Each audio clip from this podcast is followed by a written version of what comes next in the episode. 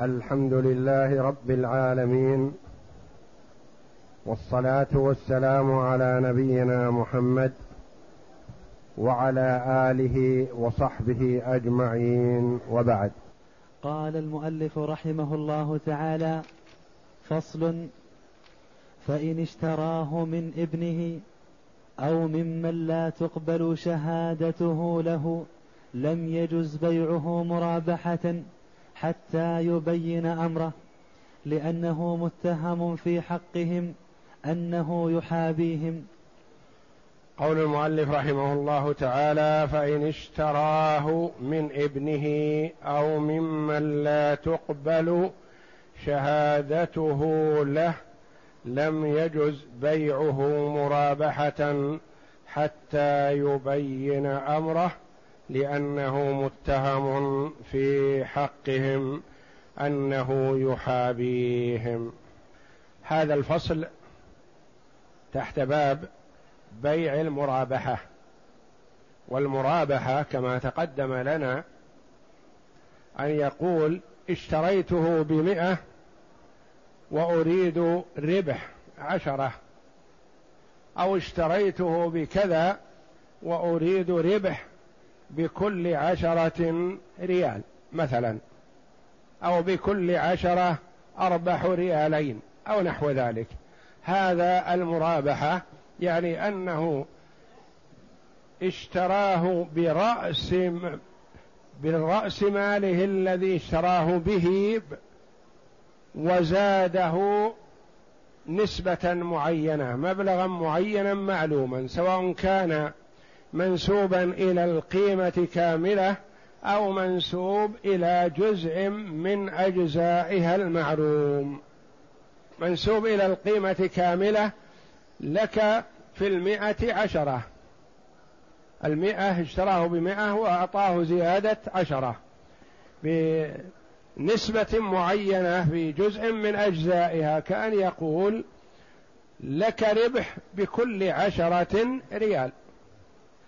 هذه المرابحة و وتقدم لنا صور كثيرة وأنه ينبغي أن يخبر بالحال كما هي ولا يموه على من أراد الشراء بل يخبر بالواقع والحقيقة كما أمر النبي صلى الله عليه وسلم ووجه بقوله البيعان بالخيار ما لم يتفرقا فإن صدقا وبينا بورك لهما في بيعهما. وإن كذبا وكتما محقت بركة بيعهما. فالبايع يبين السلعة يبين ما فيها من عيب قبل أن يبيعها يبينه لمن أراد الشراء. والمرابحة نوع من أنواع البيوع. البيع العام يقول مثلا هذا هذه بعشرين. ولا يدرى بكم اشتراها. ليس بلازم أن يخبر بكم اشتراها. لكن قد يأتي شخص يقول أنا لا أشتري منك هكذا وإنما أشتري منك مرابحة. أعطيك ربح معين.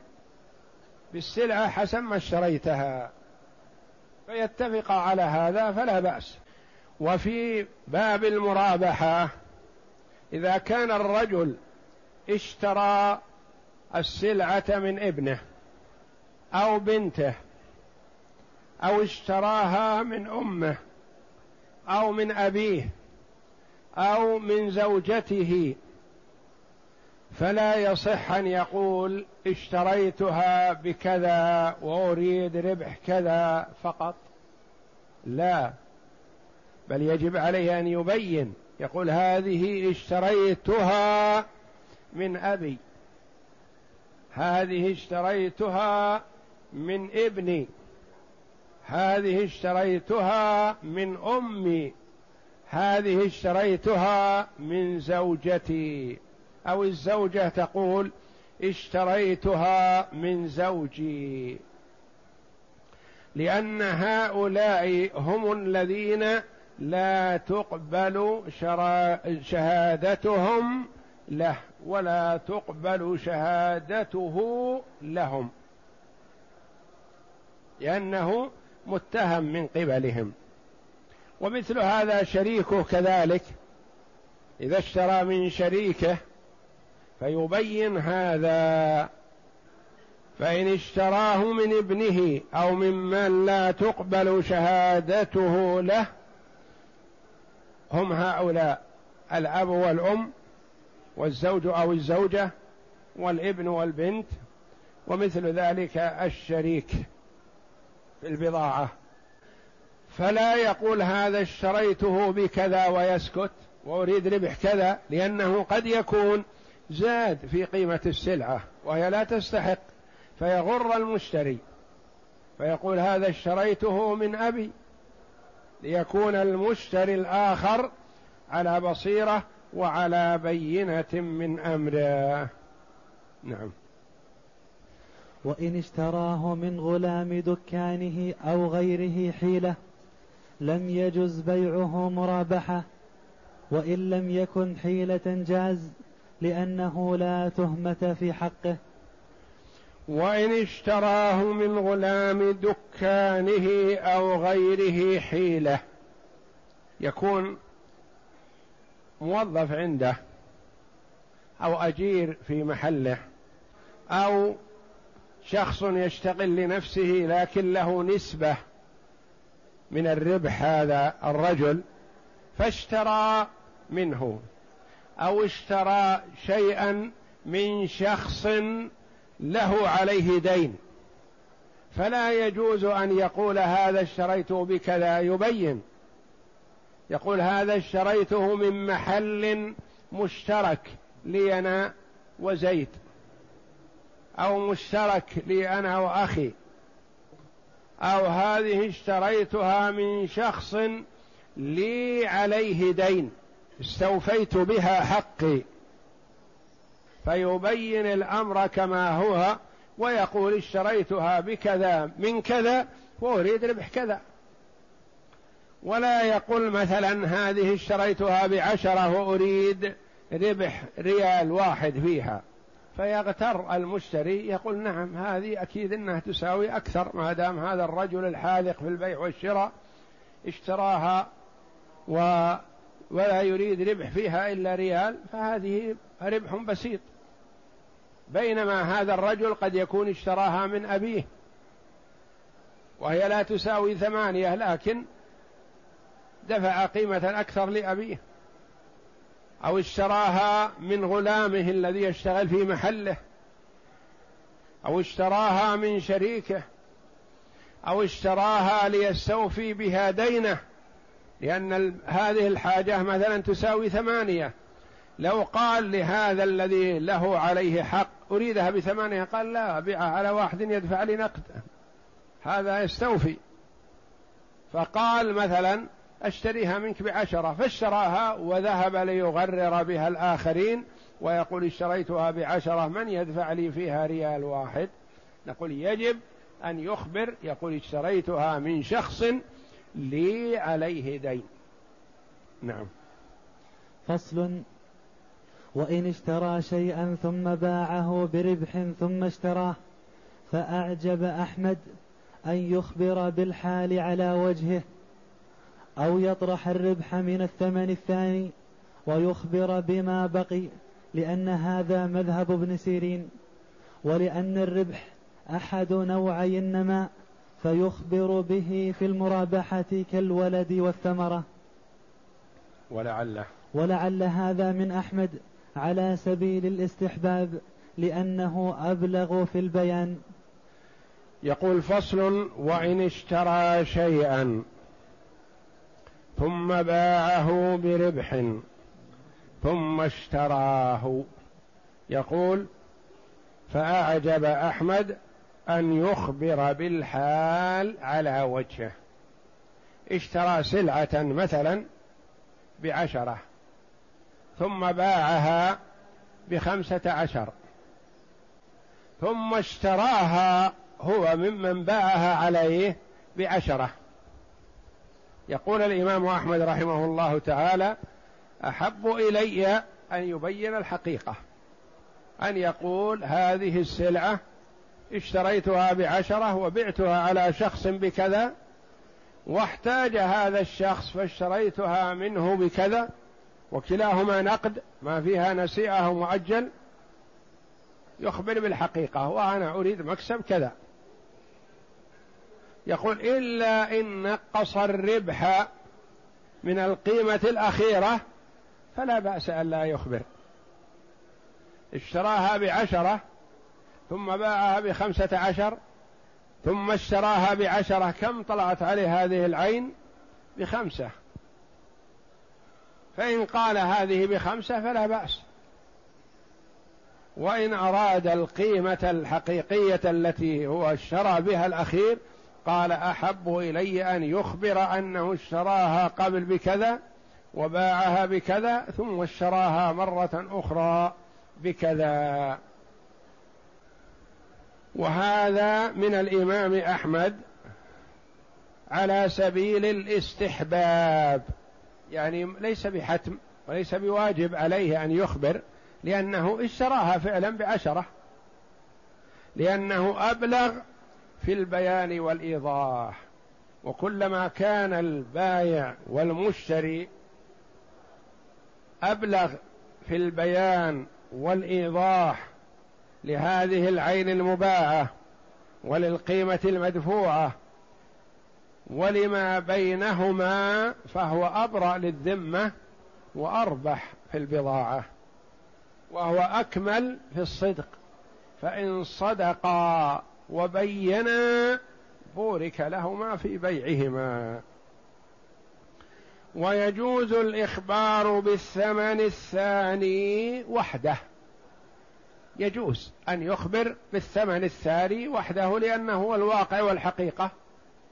مثلا هذه السلعة اشتراها بعشرة ثم باعها بثلاثة عشر. ثم اشتراها هو مرة أخرى بأحد عشر. فلا بأس أن يقول هذه السلعة اشتريتها بأحد عشر لأن هذا هو الواقع في شرائه الأخير. والشراء الأول انتقلت منه باعها على شخص ما ودفع فيها ثلاثة عشر. ثم عرضت مرة أخرى للبيع فاشتراها هو بأحد عشر. فلا بأس أن يقول لمن أرادها مرابحة هذه اشتريتها بأحد عشر لأنها دخلت ملكه الأخير في بهذه القيمة. نعم. ويخب ويجوز الإخبار بالثمن الثاني وحده لأن الثمن الذي حصل به هذا الملك فجاز الخبر به وحده. كما لو خسر فيها. كذلك لو خسر فيها مثلا يخبر بالقيمة الحقيقية. يخبر بأنه اشتراها مثلا إذا كان مثلا اشتراها أول بعشرة ثم باعها بثلاثة عشر ثم اشتراها بثمانية المرة الأخيرة. يجب عليه أن يقول اشتريتها بثمانية ولا يجوز أن يقول اشتريتها بعشرة القيمة الأولى التي انتقلت من ملكه فيها. فيخبر بما اشترى به الشراء الأخير لأنه هو الذي ثبت به الملك الأخير. فصل. فإن بان للمشتري أن البائع أخبر بأكثر من رأس المال فالبيع صحيح لأنه زاد في الثمن. فلم يمنع صحته كالتصرية ويرجع عليه بالزيادة وحظها من الربح لأنه باع برأس ماله وما قرره من الربح. فإذا بان رأس المال كان مبيعا به وبقدره من الربح. فإن بان للمشتري أن البائع أخبر بأكثر من رأس المال. فالبيع صحيح. حتى ولو كذب في في الإخبار بالقيمة. مثلا يقول هذه السيارة اشتريتها بعشرة آلاف وأريد ربح خمسمائة ريال فقط. فيغتر المشتري يقول هذا حاذق وعارف بقيم السيارات فكوني أدفع مثلا ربح خمسمائة ريال لهذا الرجل أنا أكون كسبان ومستفيد. فاشتراها منه بعشرة آلاف وخمسمائة ريال. فقبضها وانتهى. مضى يوم أو يومان أو أكثر. ثم تبين لمشتري السيارة بعشرة آلاف وخمسمائة ريال أن صاحب المعرض قد اشتراها بثمانية آلاف لكن كذب عليه. وهو دفع عشرة آلاف وخمسمائة ريال. بينما القيمة الحقيقية هي ثمانية آلاف. فما حكم البيع حينئذ؟ البيع صحيح. مثل لو باع عليه شاة فيها لبن كثير مصرى ممنوع مجموع. ثم تبين له الواقع والحقيقة. البيع صحيح بيع المصرات كما بين النبي صلى الله عليه وسلم لكن المشتري له الخيار. ففي هذه الحال البيع صحيح. لكنه يرجع على من باع فيقول تعال يا أخي أنت كذبت علي. قلت إنك اشتريتها بعشرة آلاف فأنا أعطيتك فيها خمسة في المئة على أساس ربح لك. أعطيتك خمسمائة ريال في عشرة آلاف ريال على أن القيمة عشرة آلاف. الآن تبين لنا أن القيمة هي ثمانية آلاف وعندي شهود وهذا إقرار البايع اللي باع عليك. إنه باعها عليك بثمانية آلاف. ماذا أنت قائل لهما إن تحاكما إليك؟ تقول قيمة السيارة ثمانية آلاف. رضي صاحب المعرض أو سخط لأنه باعها بمرابحة. وهل له الخمسمائة كاملة ولا نصيبه من الربح؟ له نصيبها من الربح فقط. خمسمائة ريال موزعة على عشرة آلاف يكون في الألفين مئة. نقص من القيمة الآن ألفان ينقص مئة. تكون قيمة السيارة الحقيقية هي ثمانية آلاف وأربعمائة ريال.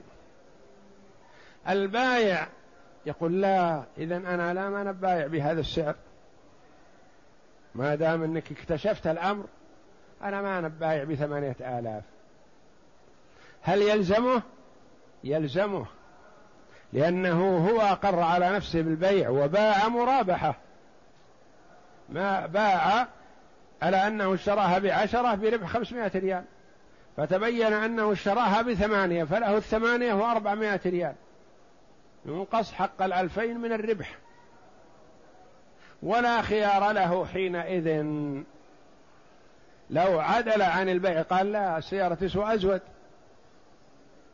فأنا ما بيع بثمانية آلاف خمسمائة ريال. نقول لا هذا إقرارك على نفسك أنك بعتها مرابحة وتبين لك أنك اشتريتها تبين لنا أنك اشتريتها بثمانية آلاف فلك ربح الثمانية فقط وهو أربعة آلاف ريال فقط.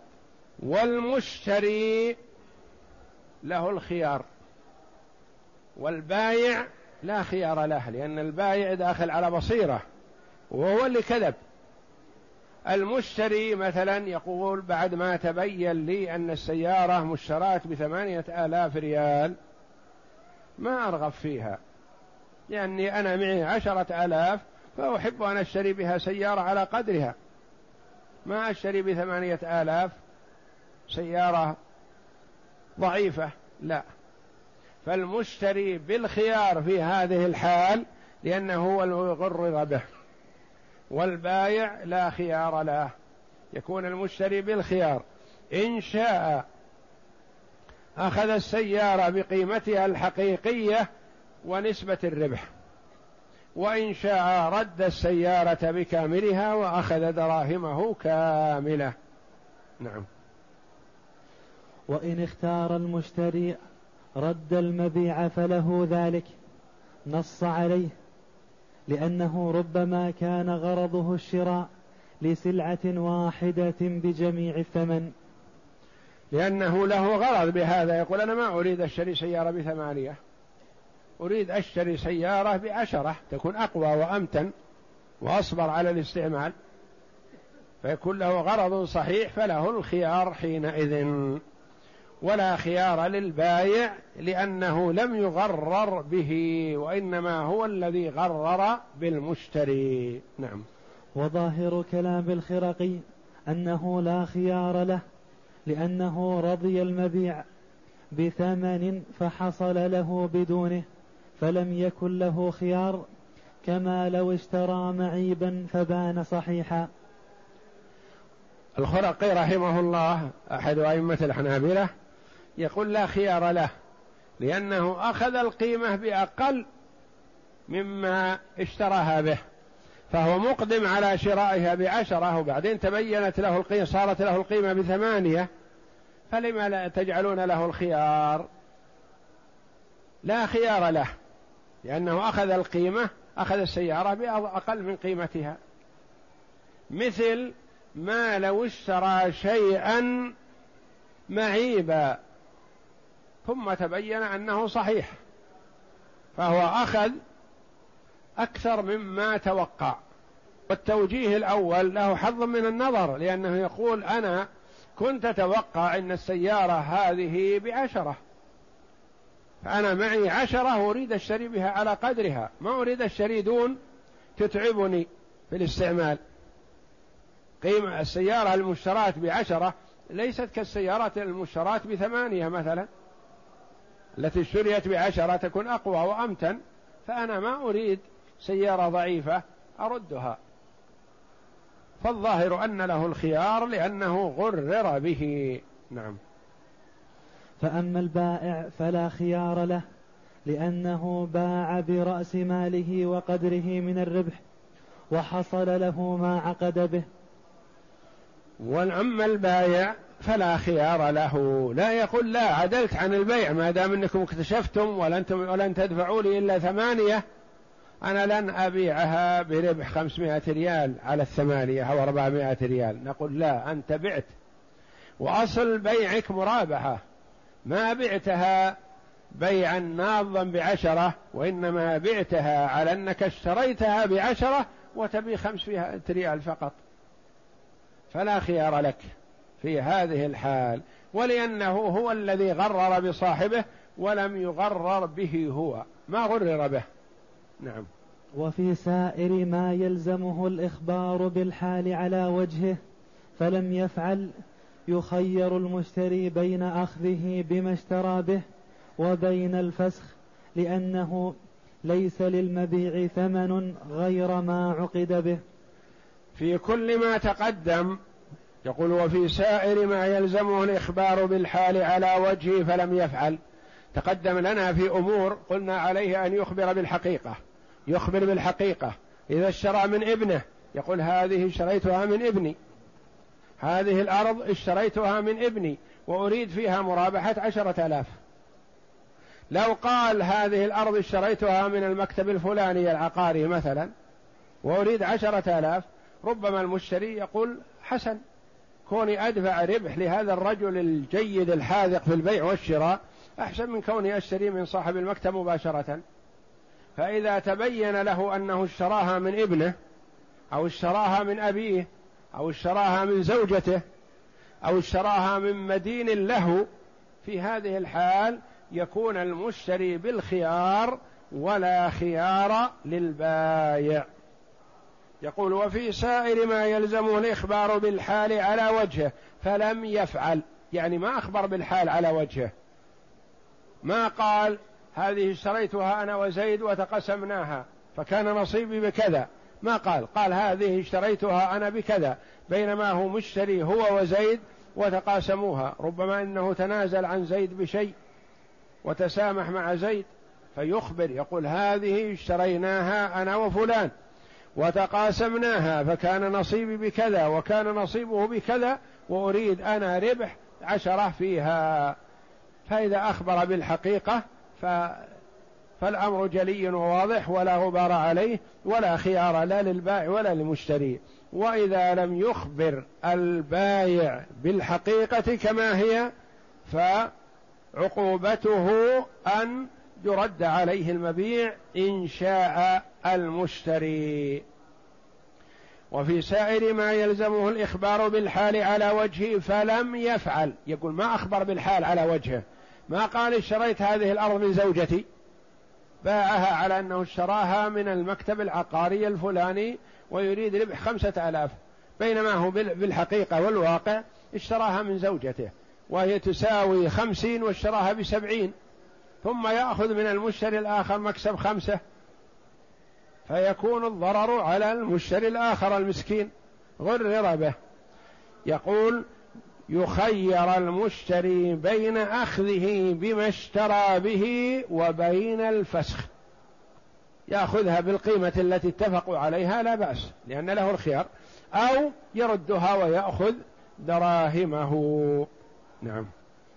وإن اشتراه بثمن مؤجل فلم يبين فعنه أنه مخير بين الفسخ وأخذه بالثمن حالا لأن البائع لم يرضى بذمة المشتري فلا يلزمه الرضا بها.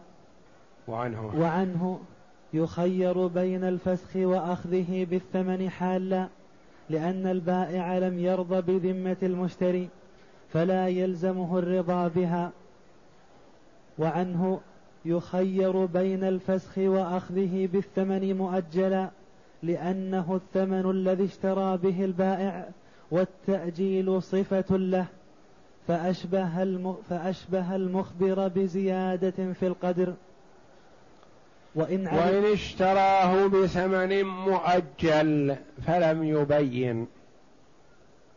إن اشتراه بثمن مؤجل اشترى هذه السيارة مثلا بعشرة آلاف كل شهر يدفع ألف أو بعد ثلاثة أشهر يدفع خمسة آلاف وبعد ثلاثة أشهر يدفع خمسة أخرى أو يدفع العشرة كلها بعد ستة أشهر مثلا. كل هذا يقال له ثمن مؤجل. اشترى هذه العين بثمن مؤجل. ثم جاءه آخر فقال أريد أن أشتري منك هذه السيارة مرابحة. فيقول نعم لا بأس. كم تدفع لي؟ قال بكم اشتريتها أنت؟ قال أنا اشتريتها بعشرة آلاف ولم يذكر التأجيل. اشتريتها بعشرة آلاف. قال ادفع لك زيادة ألف. قال نعم. هذا أضمر في نفسه أنه كسبان. لأنه اشتراها بأقساط مؤجلة وسيأخذ القيمة دفعة واحدة ومكسب ألف. هذا ما يجوز للبائع أن يقول هكذا بل يجب عليه أن يخبر أنه اشتراها بقيمة مؤجلة أو مقسطة أو على دفعتين أو أقل أو أكثر. ما أخبر. ثم بعد يوم أو يومين أو أسبوع تبين للمشتري الأخير أن الرجل الذي باع عليه السيارة كان مشتريها بالأقساط بعشرة آلاف. وهو دفع كامل نقدا. فيقول المشتري الآخر الأخير بالخيار بين إيش؟ بين أمرين. إما أن يأخذ السيارة بالقيمة كاملة حالة أو يرد السيارة ويأخذ دراهمه. لما لا تقولون يأخذها بالقيمة مؤجلة مثل ما أخذها الأول؟ نقول لا. لأن الأول ربما أنه معروف وبيعت عليه بالأقساط لأن البايع بالأقساط مطمئن بأنه يسدد يرضى بذمته. يكون إنسان مر بالطريق يريد أن يذهب. أين يجده يسدد الأقساط؟ لكن بعدما اكتشف الأمر نقول هو له الخيار بين أمرين. إما يأخذ القيمة يأخذ السيارة بالقيمة التي اتفقوا عليها وتكون نقدا أو يردها على صاحبها ويأخذ دراهمه. وعنه رواية أخرى أنه يأخذها بالقيمة مقسطة أو يردها. والتعليل الأول له حظ من النظر لأن المشتري الأول قد يكون صاحب محل ومعروف أو موظف أو سلم الأقساط بشيكات مثلا تسدد في وقتها. وهذا عابر سبيل إما دفع نقدا الآن ما وجد فيما بعد فلعله يخير إذا جعل له الخيار يكون ما ظلم. قيل له إن شئت فخذها بما دفعت نقدا وإن شئت فردها وخذ دراهمك. لأن البايع قد لا يرضى بذمة المشتري الأخير. ما يقنع به لأنه ما يعرفه. وأين يجد يسدد الأقساط؟ يأخذ السيارة ويذهب. وعنه يخير بين الفسخ وأخذه بالثمن مؤجلا لأن الثمن الذي اشترى به البائع لأنه الثمن الذي اشترى به البائع والتأجيل صفة له فأشبه المخبر بزيادة في القدر. صحيح لكن التأجيل فيه شغل لذمة وقد تكون هذه الذمة ضعيفة ما يطمئن إليها البايع بخلاف تنقيص القيمة فهي مخالصة بينهم في الحال. بدل ما هو دفع عشرة مثلا وخمسمائة كما تقدم لنا يدفع ثمانية وأربعمائة ويأخذ الزايد ويمشي ولا علاقة لأحد لأحدهما بالآخر. بخلاف إذا كانت القيمة مؤجلة فأنت مثلا ترضى أن تبيع على صاحب المحل هذا بقيمة مؤجلة. لكن ما ترضى أن تبيع على عابر سبيل بقيمة مؤجلة أين تجده؟ وإن علم ذلك بعد تلف المبيع حبس المال بقدر الأجل. وإن علم ذلك بعد تلف المبيع علم أن القيمة مؤجلة لكن البضاعة تلفت أو انتقلت من ملكه وليست له. كيف يصنع؟ قال يحبس الثمن بقدر الأجل. يكون الثمن عنده بقدر مدة الأجل ثم يعطيه صاحبه لأنه ما في خيارات الآن. ما في خيار بين الفسخ والقبول ما فيه إلا خيار واحد. نعم. فصل. وإن أخبر بثمن ثم قال غلطت والثمن أكثر ففيه ثلاث روايات. إحداهن لا يقبل قوله إلا ببينة لأنه مقر على نفسه فلم يقبل قوله في الغلط إلا ببينة. كالمضارب يقر بربح.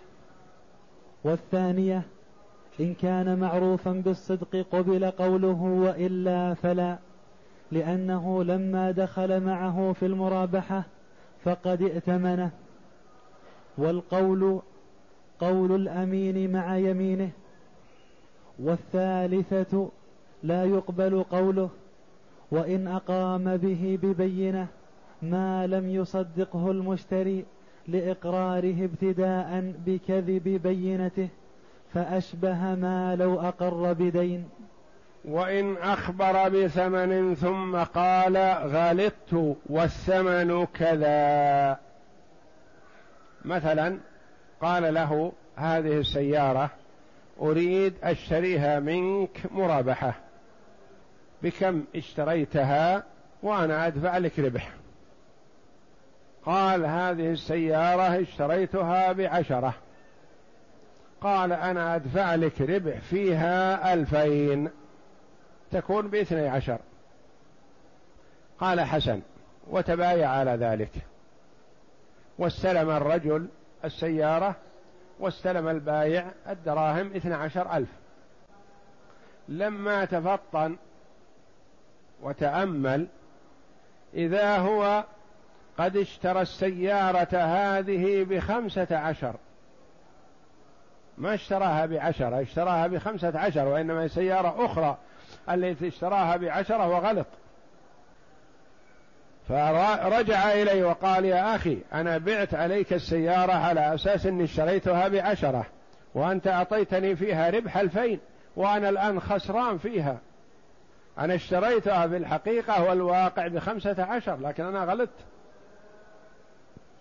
فإذا أخذت سيارتي باثني عشر ألف أكون خسران ثلاثة ألاف. فأنا غلط.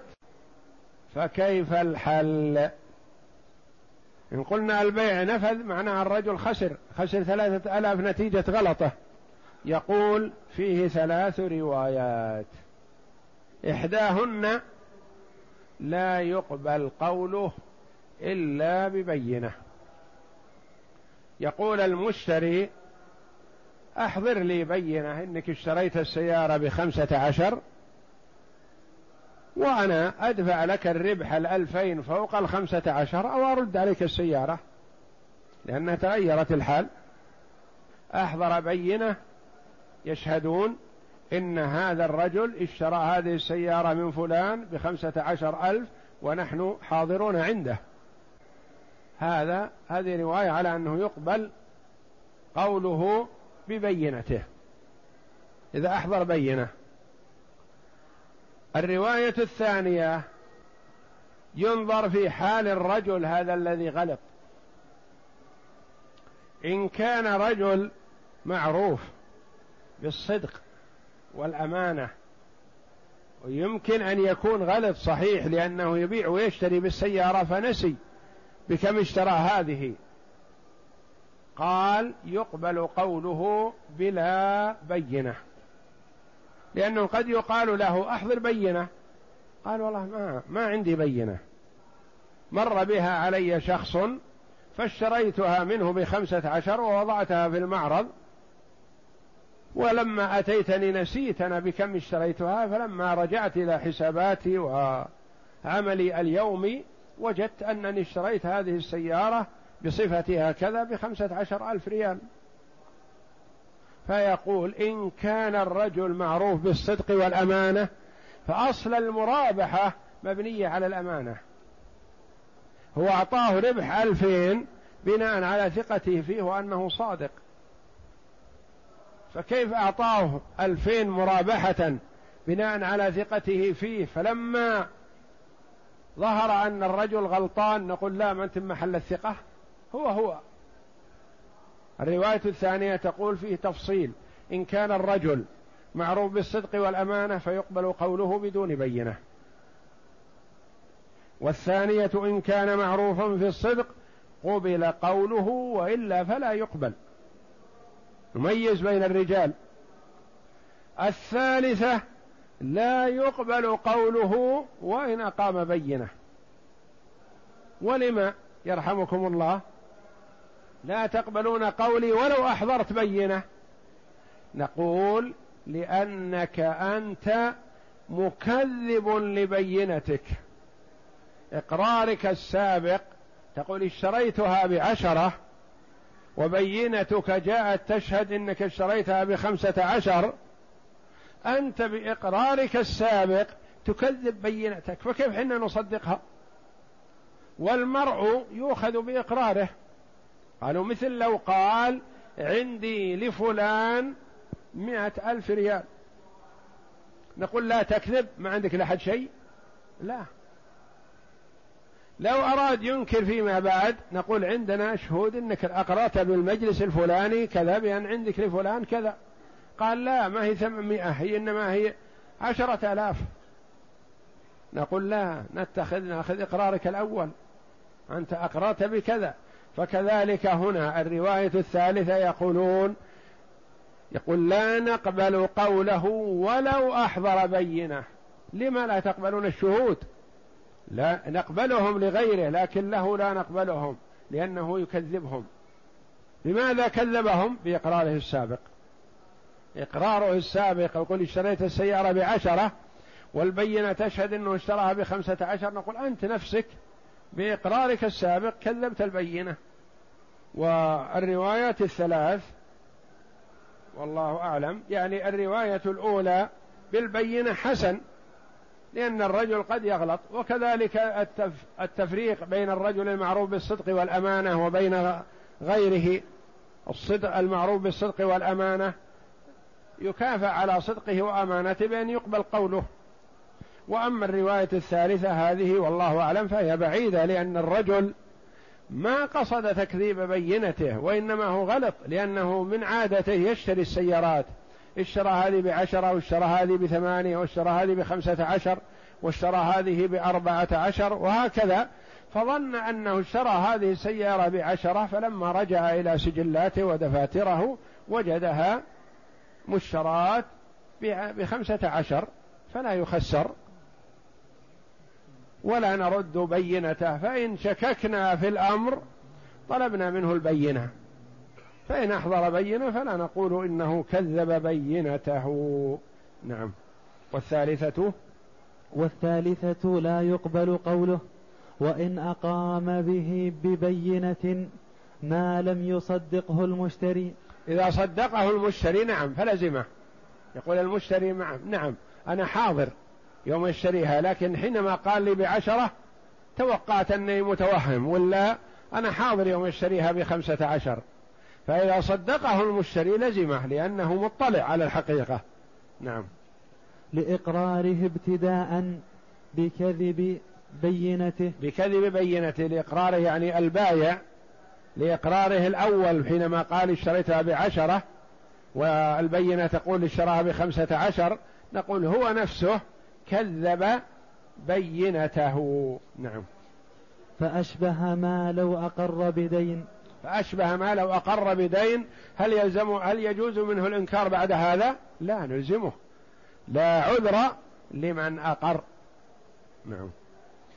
فإن قلنا بقبول بينته فقال المشتري أحلفوه أنه وقت البيع لم يعلم أن ثمنها أكثر. فعلى البائع اليمين.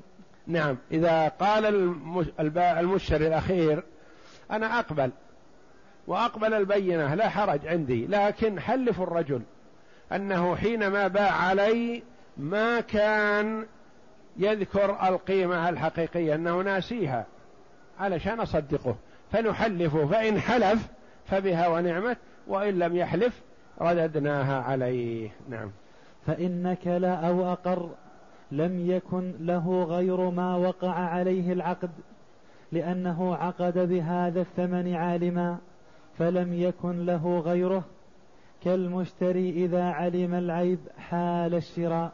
المشتري إذا علم العيب حال الشراء ما له الرجوع فيما بعد ما يقول هذه فيها عيب نقول أنت عالم بالبيع بالعيب هذا اطلعت عليه مثلا ليس لك ترجيع البضاعة. نعم. وإن حلف خير المشتري بين فسخ العقد لأنه لم يرضه بأكثر مما بذله وبين قبوله مع إعطائه ما غلط به وحظه وحظه وحظه من الشراء وحظه من الربح. وحظه من الربح. فإن حلف أو شهدت البينة مثلا أنه اشتراها بخمسة عشر نقول تعال يا المشتري. أنت بالخيار. إن شئت خذها بما تبين أنه السعر الحقيقي خمسة عشر وادفع الربح منسوبا إلى القيمة الأخيرة. وإن شئت فرد البضاعة. لأننا ما نلزم الرجل يشتري بخمسة عشر وهو قد لا يملك إلا العشرة الأولى والألفين التي دفعها ربح. فيقال للمشتري تعال البضاعة الآن أنت اشتريتها على أساس أنها بعشرة ودفعت ألفين في العشرة. الآن تبين لنا أن البضاعة هذه مشتراة اشتراها الرجل بخمسة عشر. فيلزمك خمسة عشر. ويلزمك الربح ألفين للعشرة وألف للخمسة. ثلاثة عشر تدفع. بدل ما كنت دفعت اثنى عشر فقط فتدفع الآن ثمانية عشر وأنت بالخيار. تأخذها أو تردها. يقول لا لا حاجة لي فيها. أنا لا أملك إلا اثني عشر ألف. جمعتها من زيد وعمر فكيف تلزمونني بثمانية عشر؟ منين أجمعها؟ لا حاجة لي في البضاعة. نقول أنت بالخيار. لأنه حصل اختلاف فأنت بالخيار. يقول لا أبيها لكن ما أدفع إلا ربح الفين فقط. نقول لا يلزمك دفع ربح الخمسة التي تبينت فيما بعد. لأنك دفعت ربح ألفين في العشرة وزادت القيمة خمسة فيلزمك للخمسة ألف كذلك. فيلزمك أن تدفع ثمانية عشر أو ترد البضاعة. نعم. وإن حلف خير المشتري. وإن حلف خير المشتري بين فسخ العقد. بين فسخ العقد. له من حقه يفسخ. يقول ما أستطيع أدفع ثمانية عشر وأنا كنت مشتري باثني عشر. نعم. لأنه لم يرضه بأكثر مما بذله وبين قبوله مع إعطائه ما غلط به وحظه من الربح. يعطي القيمة الزائدة ويعطي حظ هذه القيمة الزائدة من الربح. كم حظها قلنا؟ ألف. مع الألفين السابقين صارت ثمانية عشر. نعم. لأن البائع إنما باعها بهذا الثمن ظانا أنه رأس المال فعليه ضرر في النقصان منه. فإذا أخذها المشتري بذلك فلا خيار للبائع. لأنه قد زال عنه الضرر بالتزام المشتري ما يقول البائع بعدما تبين لي أن هذه السيارة التي اشتريتها بخمسة عشر أنا ما بيعه لا بثمانية عشر ولا بعشرين. نقول لا البيع تم ويلزمك البيع لكن لك قيمتك كاملة. نعم. فإذا أخذها المشتري بذلك فلا خيار للبائع لأنه قد زال عنه الضرر بالتزام المشتري ما غلط به. وإن اختار الفسخ فقال البائع أنا أسقط الزيادة عنك سقط الفسخ. إذا قال لا أنا ما أستطيع أدفع إلا مثل ما دفعت اثني عشر ألف. ولا أعطون دراهمي وخلاص والسيارة لكم. يقول البايع الدراهم استلمتها أنا وتصرفت فيها الآن ما أستطيع أردها عليك لكن لك السيارة بما دفعت. وأتنازل أنا عن القيمة الزائدة نقول يلزم المشتري حينئذ الشراء هذا ولا ترد البضاعة. ما دام إنه تنازل البايع فالبيع لازم. لأنه, لأنه نعم. سقط الفسخ. سقط الفسخ لأنه قد بذلها له بالثمن الذي وقع عليه العقد. وتراضيا به. وتراضيا به. والله أعلم. وصلى الله وسلم وبارك على عبده ورسول نبينا محمد وعلى آله وصحبه أجمعين.